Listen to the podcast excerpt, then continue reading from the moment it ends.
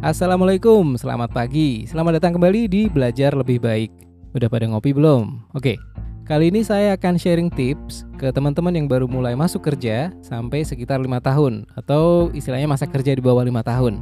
Tapi sebenarnya tips ini juga bisa lah untuk teman-teman yang sudah di atas masa kerja lima tahun. Jadi gini, saya sempat kerja di perusahaan selama hampir 20 tahun dan selama itu pula saya ngobrol sama banyak teman-teman, kolega gitu ya. Nggak cuma dari satu perusahaan, dari yang lain-lain juga. Nah, ada ini, ada tiga hal yang pada saat awal kita masuk kerja, kita punya cita-cita itu gitu. Kita, ah nanti gue pengen itu ah gitu. Ada tiga hal. Tapi akhirnya sering kali nggak kesampaian atau kelupaan gitu ya. Tiga hal itu adalah pertama, lanjutin pendidikan. Oke, jadi kadang-kadang pada saat kita masuk kerja masih tetap pengen ah nanti gue pengen lanjut kuliah deh gitu. Mungkin ekstensi, mungkin memang uh, keluar dari kerja terus full kuliah atau mungkin ngambil itu beasiswa luar negeri gitu ya. Itu yang pertama, lanjutin pendidikan. Cita-cita orang yang masuk kerja masih punya cita-cita untuk melanjutin pendidikan. Oke? Terus hal yang kedua adalah pindah atau cari pekerjaan yang lebih baik. Jadi pada saat masuk perusahaan A, biasanya masih punya cita-cita tuh. Gue di sini gaji sekian, terus welfare-nya kayak gini-gini. Kalau misalnya ada tawaran yang lebih baik, ambil deh gitu. Ini kayaknya teman-teman gue yang di sana uh, dapatnya lebih oke okay nih. Nanti kayaknya pindah deh. Atau mungkin uh, yang gue lihat di sini antriannya panjang. Jadi kalau mau promosi susah, kayak gue nanti mau coba cari ke perusahaan lain yang gue bisa loncat, gitu kan? Itu yang kedua. Nyari pekerjaan atau perusahaan yang lebih menjanjikan. Oke? Okay? Terus, cita-cita ketiga yang sering kali nggak kesampaian adalah mulai wirausaha. Jadi kalau udah jadi karyawan, udah betah gitu ya, kadang-kadang lupa uh, dulu awal masuk kerja kayaknya gue pengen deh bikin usaha sendiri gitu. Tapi begitu udah jalan berapa tahun, biasanya ah udah lupa, udah males, udah nggak nggak jalan, gitu ya, udah nggak kepikiran. Nah, kalau misal nih kalau misal balik lagi ke teman-teman yang sekarang ini baru masuk kerja, kalau misal ditanyain, pengen nggak punya kesempatan untuk tiga hal itu? Biasanya sih jawabannya pengen, gitu kan? Nah, ada yang menarik nih, ada yang menarik. Ternyata ada satu hal yang mengcancel tiga cita-cita tadi. Jadi gini, uh, ada kesempatan ini untuk misal lanjut kuliah, ada kesempatan ini untuk pindah kerja, ada kesempatan ini untuk wirausaha tapi biasanya akan buyar, akan bubar, akan nggak kepikiran, akan tercancel, teranulir sama satu hal. Jadi buru-buru kejadian, kepikiran aja kadang udah lupa gitu. Dan hal itu adalah apa? Coba tebak. Simple. Kita real aja, belak-belakan aja ya. Dan ini nggak cuma satu orang yang ngomong.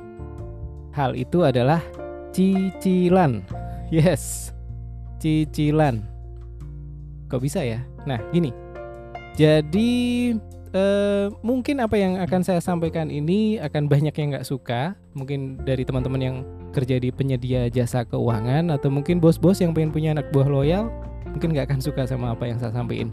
Jadi gini, pada saat orang punya cicilan, maka dia akan lebih sangat tergantung sama pendapatan dia saat itu. Karena tiap bulan udah ketaker tuh berapa duit yang mesti keluar untuk bayar cicilan dan cicilan itu harus dibayar tiap bulan kalau misalnya enggak pusing lah tambah gede kan ya simpenan itunya sorry simpenan utangnya.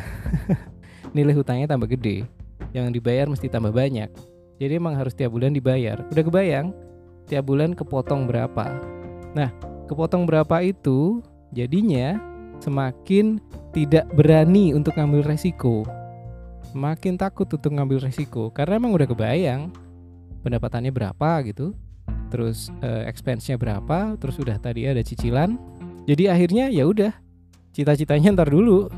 Yang penting bayar utangnya beres ya. Terus besok utang lagi. Jadi sorry untuk teman-teman yang punya cicilan, mohon maaf bukan maksud merendahkan atau menyindir, tapi ya memang begitulah adanya dan um, perlu fair-fairan aja sih. Kadang-kadang godaan untuk hutang itu muncul pada saat kita masuk kerja pada saat kita sudah ada di lingkungan punya pendapatan sendiri. Godaan itu macam-macam. Bisa dari kooperasinya, bisa jadi dari perusahaan yang nawarin ini ada fasilitas pinjaman. gitu ya. Bisa juga dari luar. Dari luar misalnya ada KTA dan macam-macam itu kadang brosurnya tuh ditaruh di dekat mesin absen. Bayangin, orang habis absen, terus di situ ada brosur KTA. Wah ini duit gampang nih, nggak perlu agunan, tinggal ambil gitu kan ya. Tinggal ngajuin, oh ini kan udah punya kartu ini kan ya, kartu karyawan gitu. Udah punya ID cardnya karyawan, tinggal fotokopi itu ya. Terus kemudian diajuin ke petugasnya. Udah cepet habis itu. Berapa juta cair. Tinggal nanti tiap bulan aja dipotong jadinya cicilan. Oke okay.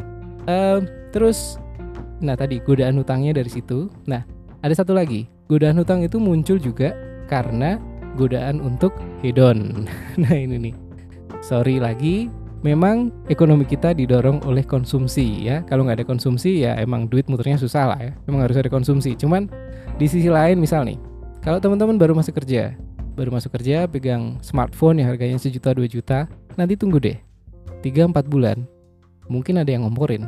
Jadi HP lu masih ini, ganti dong udah kerja lama juga udah 3-4 bulan, gantilah. Terus akhirnya ganti sama yang harganya bisa 10 juta. Gajinya berapa? Dihitung dulu dong. Oke, okay. uh, eh, kemudian nih, kalau udah setahun, misal sebelumnya pulang pergi kerja itu, sorry, pergi pulang ya, pergi pulang kerja itu naik umum. Kalau udah setahun nanti ada yang komporin tuh, lu beli kendaraan, motor kayak minimal, atau mobil gitu ya. Terus ya udah, karena memang tabungannya belum cukup, karena tadi ya udah kepake buat beli handphone ya, itu pun juga sisanya nyicil ya.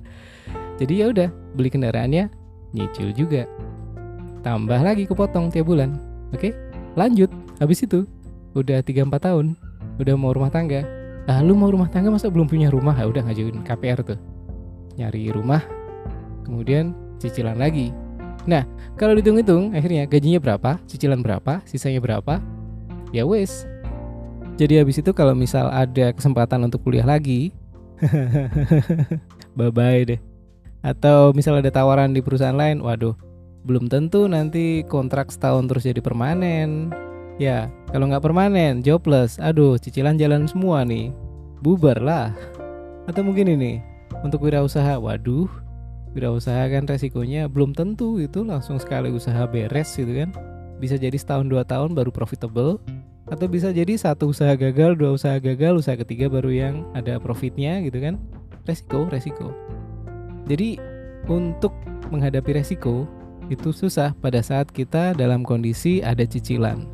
Jadi mungkin eh, apa yang saya omongin ini real banget lah ya dan agak belak-belakan dan mungkin baik yang nggak suka sorry tadi ya untuk teman-teman di penyedia jasa keuangan atau bos-bos yang pengen punya anak buah full loyal nggak mau pindah ke mana-mana ya mohon maaf tapi memang seperti itu adanya jadi simple aja tips untuk teman-teman yang masa kerjanya masih di bawah lima tahun.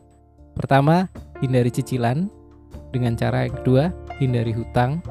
Dengan cara yang ketiga, yaitu hindari godaan hedonisme. Itu sih.